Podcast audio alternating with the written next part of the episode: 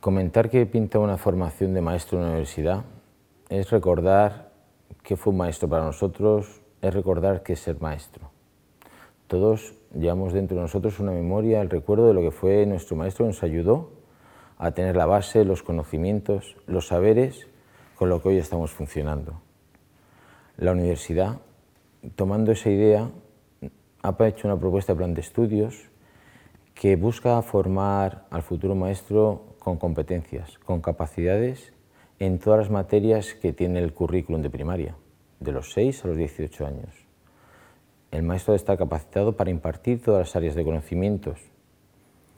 Por eso, en nuestro plan de estudios de cuatro años, tenemos asignaturas de formación básica que le permite tener una base de lo que serían los conocimientos en psicología, didáctica, sociología, asignaturas obligatorias que le van a permitir conocer el porqué de cada materia, los saberes, pero sobre todo el cómo se imparten esas materias diferentes, desde la plástica, las matemáticas, el castellano.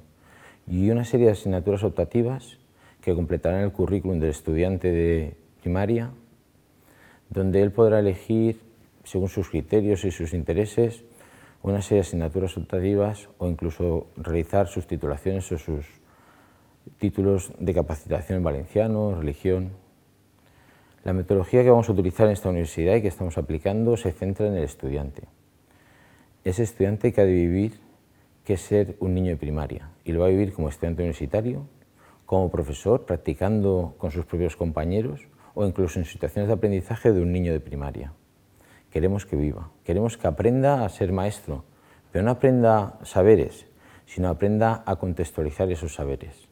No buscamos darle recetas, que luego puede llevárselas bajo el brazo y aplicarlas, sino que esas recetas las construya en los centros educativos donde esté y en función de los chavales que tenga delante.